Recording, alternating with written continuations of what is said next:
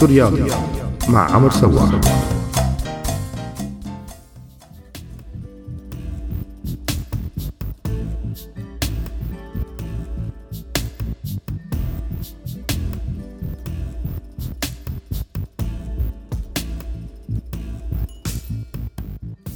كثير من علماء الاجتماع بيلاقوا بالكلاسيكو بعالم الرياضة شيء صحي وممثل لتطور الرياضة حتى إنه البعض بيشوفوا إنه ممكن تنحل من خلاله بعض المشاكل الاجتماعية.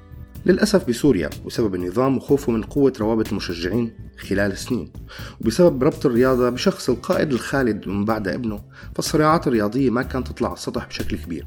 بنضاف لهذا الشيء أنه مستوى الرياضة بشكل عام دنا كتير بعهد بيت الأسد. مشان هيك اتجه المشاهد السوري ليكون متعصب لفرق أجنبية. فشو هي أكثر الكلاسيكوهات يلي بشجع السوريين؟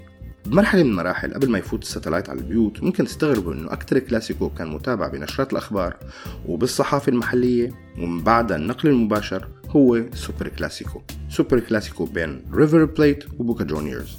يلي في ناس بتقول إنه أصلا مصطلح كلاسيكو طلع بالأرجنتين بين هدول الفريقين لينتشر بالعالم. بيرجع أصل العداء بين الناديين لصراع طبقي. فكان ريفر بليت بيمثل الأغنياء وبوكا جونيورز فهو نادي الفقراء. بلشت المنافسة من أول مباراة رسمية بسنة 1913 وخلصت للريفر بهدفين لهدف. تطور العداء لسنة 1968 بعد الحادثة الشهيرة يلي أدت لمقتل 71 شخص وأكثر من 150 جريح بالسنين الأخيرة ومع انتشار البث المباشر للمباريات صار الكلاسيكو الأشهر بشعبيته جوات سوريا وخارج سوريا هو كلاسيكو الأرض بين ريال مدريد وبرشلونة واللي هو اليوم كلاسيكو الأشهر. هذا الكلاسيكو كمان ترجع أصول لأسباب سياسية واقتصادية بسبب عداء ضارب بجذوره بالتاريخ بين الفريقين.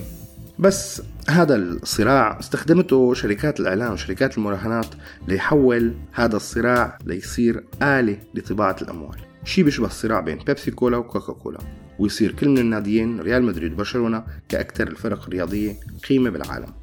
الكلاسيكو الثالث اللي رح احكي عنه اليوم هو كلاسيكو انجلترا ليفربول ومانشستر يونايتد سبب هذا الصراع مختلف شوي. هو المنافسة التجارية بين المدينتين.